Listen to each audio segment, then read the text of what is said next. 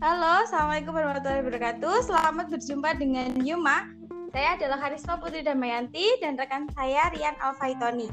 Kami adalah audiopreneur dari Prodi Pendidikan Biologi dan Pendidikan Guru Sekolah Dasar Fakultas Keguruan dan Ilmu Pendidikan Universitas Kali ini kami akan mengajak pendengar semua membahas bagaimana menjadi kepala sekolah profesional dengan menjalankan super, supervisi manajerial.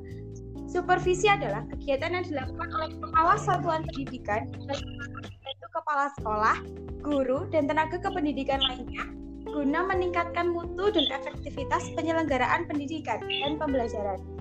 Supervisi ditujukan pada dua aspek, yakni manajerial dan akademik. Untuk supervisi manajerial menitik beratkan pada pengamatan aspek-aspek pengelolaan dan administrasi sekolah yang berfungsi sebagai pendukung atau supporting terlaksananya pembelajaran.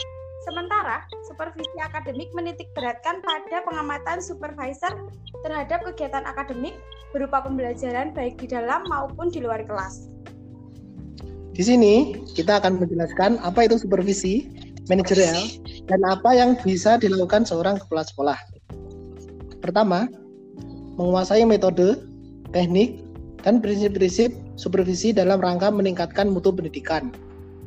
Kedua, menyusun program berdasarkan visi-visi, visi misi tujuan, dan program sekolah. Ketiga, menyusun metode kerja dan berbagai instrumen yang diperlukan untuk melaksanakan tugas pokok. Keempat, kepala sekolah mengelola satuan pendidikan berdasarkan manajemen peningkatan mutu berbasis sekolah atau bisa bisa disingkat MPMBS.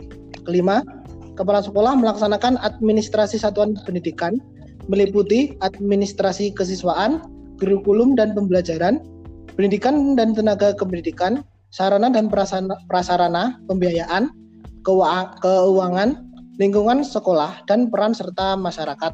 Keenam, Soko, kepala sekolah menyusun indikator keberhasilan mutu pendidikan di sekolah. Ketujuh, membina staf sekolah dalam melaksanakan tugas pokok dan tanggung jawabnya.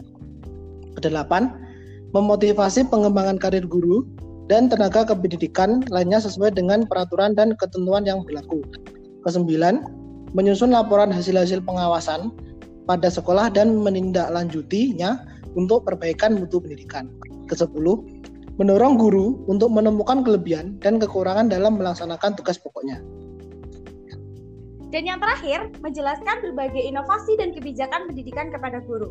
Sekian dari pembahasan uh, supervisi manajerial pada kali ini. Wassalamualaikum warahmatullahi wabarakatuh. Semangat work from home and stay healthy. Mari bergabung dengan Universitas Islam Balitar, The Entrepreneurial University. Salam entrepreneur. Wisma Blitar kreatif, integratif, inovatif, dan energik.